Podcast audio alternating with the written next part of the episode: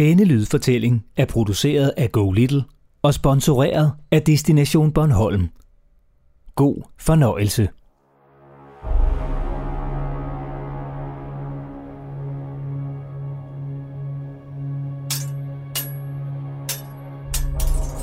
Nu skal du høre historien om den gamle borgruin Hammershus på Bornholm.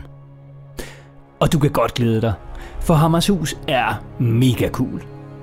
Forestil dig en slags eventyrborg.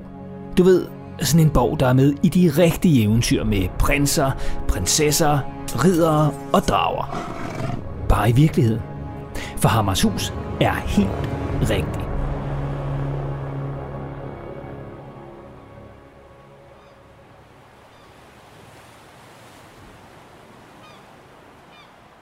Den ligger på den nordlige spids af Bornholm og er Nordeuropas største borgruin. Da den var fuldt udbygget, fyldte den 35.000 kvadratmeter, svarende til cirka 6 fodboldbaner, og ringmurene, der omkransede borgen, var 750 meter lange. Det svarer sådan cirka til 600 7-årige børn, der bliver stablet oven på hinanden.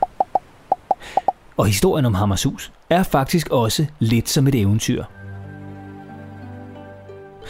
så vidt vides uden ildsbyende drager, men med en rigtig prinsesse. Og hende skal vi nok komme tilbage til. For vi skal først langt tilbage i tiden. Længere tilbage end det både din mor og far, og også dine bedsteforældre og oldeforældre og deres forældre blev født. Vi skal faktisk mere end 700 år tilbage i tiden. Vi skal til middelalderen.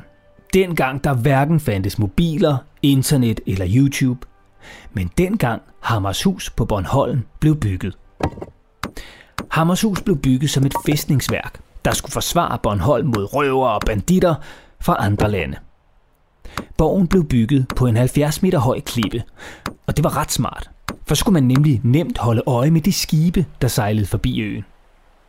Men det var også smart, fordi borgens placering højt oppe gjorde den svær at angribe. Hvis der overhovedet var nogen, der skulle få den idé.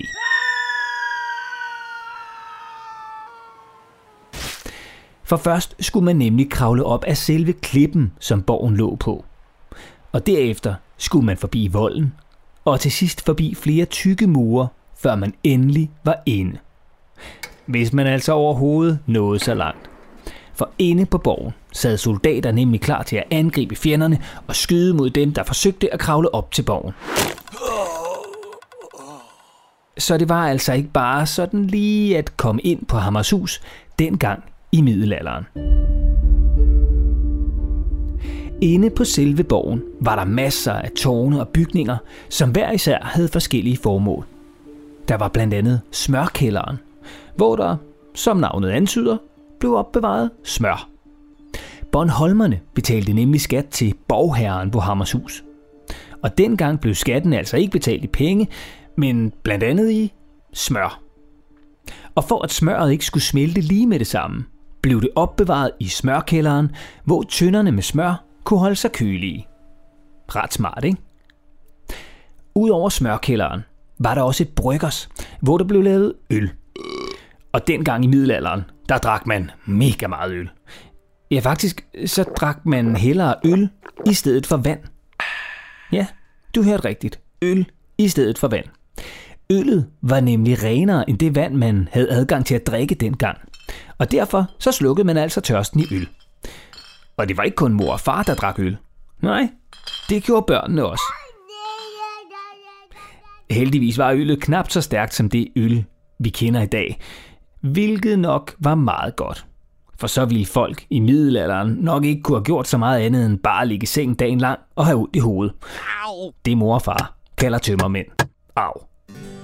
Nå, men inde på borgen var der flere forskellige tårne.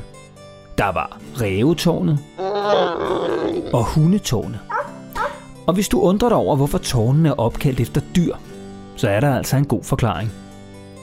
Flere af borgens tårne fik nemlig dyrenavne, fordi man håbede, at dyrenes egenskaber, som for eksempel at være snu som en rev, ville smitte af på dem, der forsvarede borgen. Men om det så rent faktisk havde en effekt, det er nok lidt mere tvivlsomt. Og apropos hundetårnet, ja, så var det ikke ligefrem det tårn, de fleste ville besøge. I hvert fald ikke dengang tilbage i middelalderen. Ligegyldigt hvor glad man så var for hunde. For der var slet ingen hunde i hundetårnet.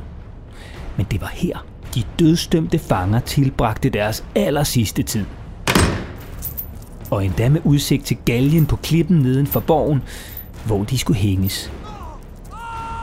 Gisp. Nå, men i cirka 500 år var Hammershus en fæstning for de mænd, der skiftes til at have magten på Bornholm. Og dengang var det altid mænd, der bestemte. Måske var det derfor, de altid kom op og slås med hinanden. Men senere, ja, der blev Hammershus så brugt som fængsel. Og her kommer vi så til hende, prinsessen, som jeg jo lovede var en del af historien. For kong Christian den 4. Det var ham med klappen for øjet og hestehalen, den vel nok mest berømte danske konge nogensinde.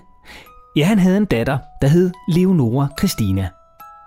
Hun var en rigtig prinsesse. Men da hendes far, kong Christian den 4. døde, kom hun grusomt op og skændes med sin bror Frederik, der nu var blevet konge. Og senere, ja, der blev Leonora Christina og hendes mand, Korfits Ulfeldt, øh, så fængslet på Hammershus på grund af landsforræderi. Hvilket betød, at man mente, at de ville Danmark det ondt. Ikke så godt. Og undervejs forsøgte de også, i nattens mulm og mørke, at flygte fra deres celle på Hammershus.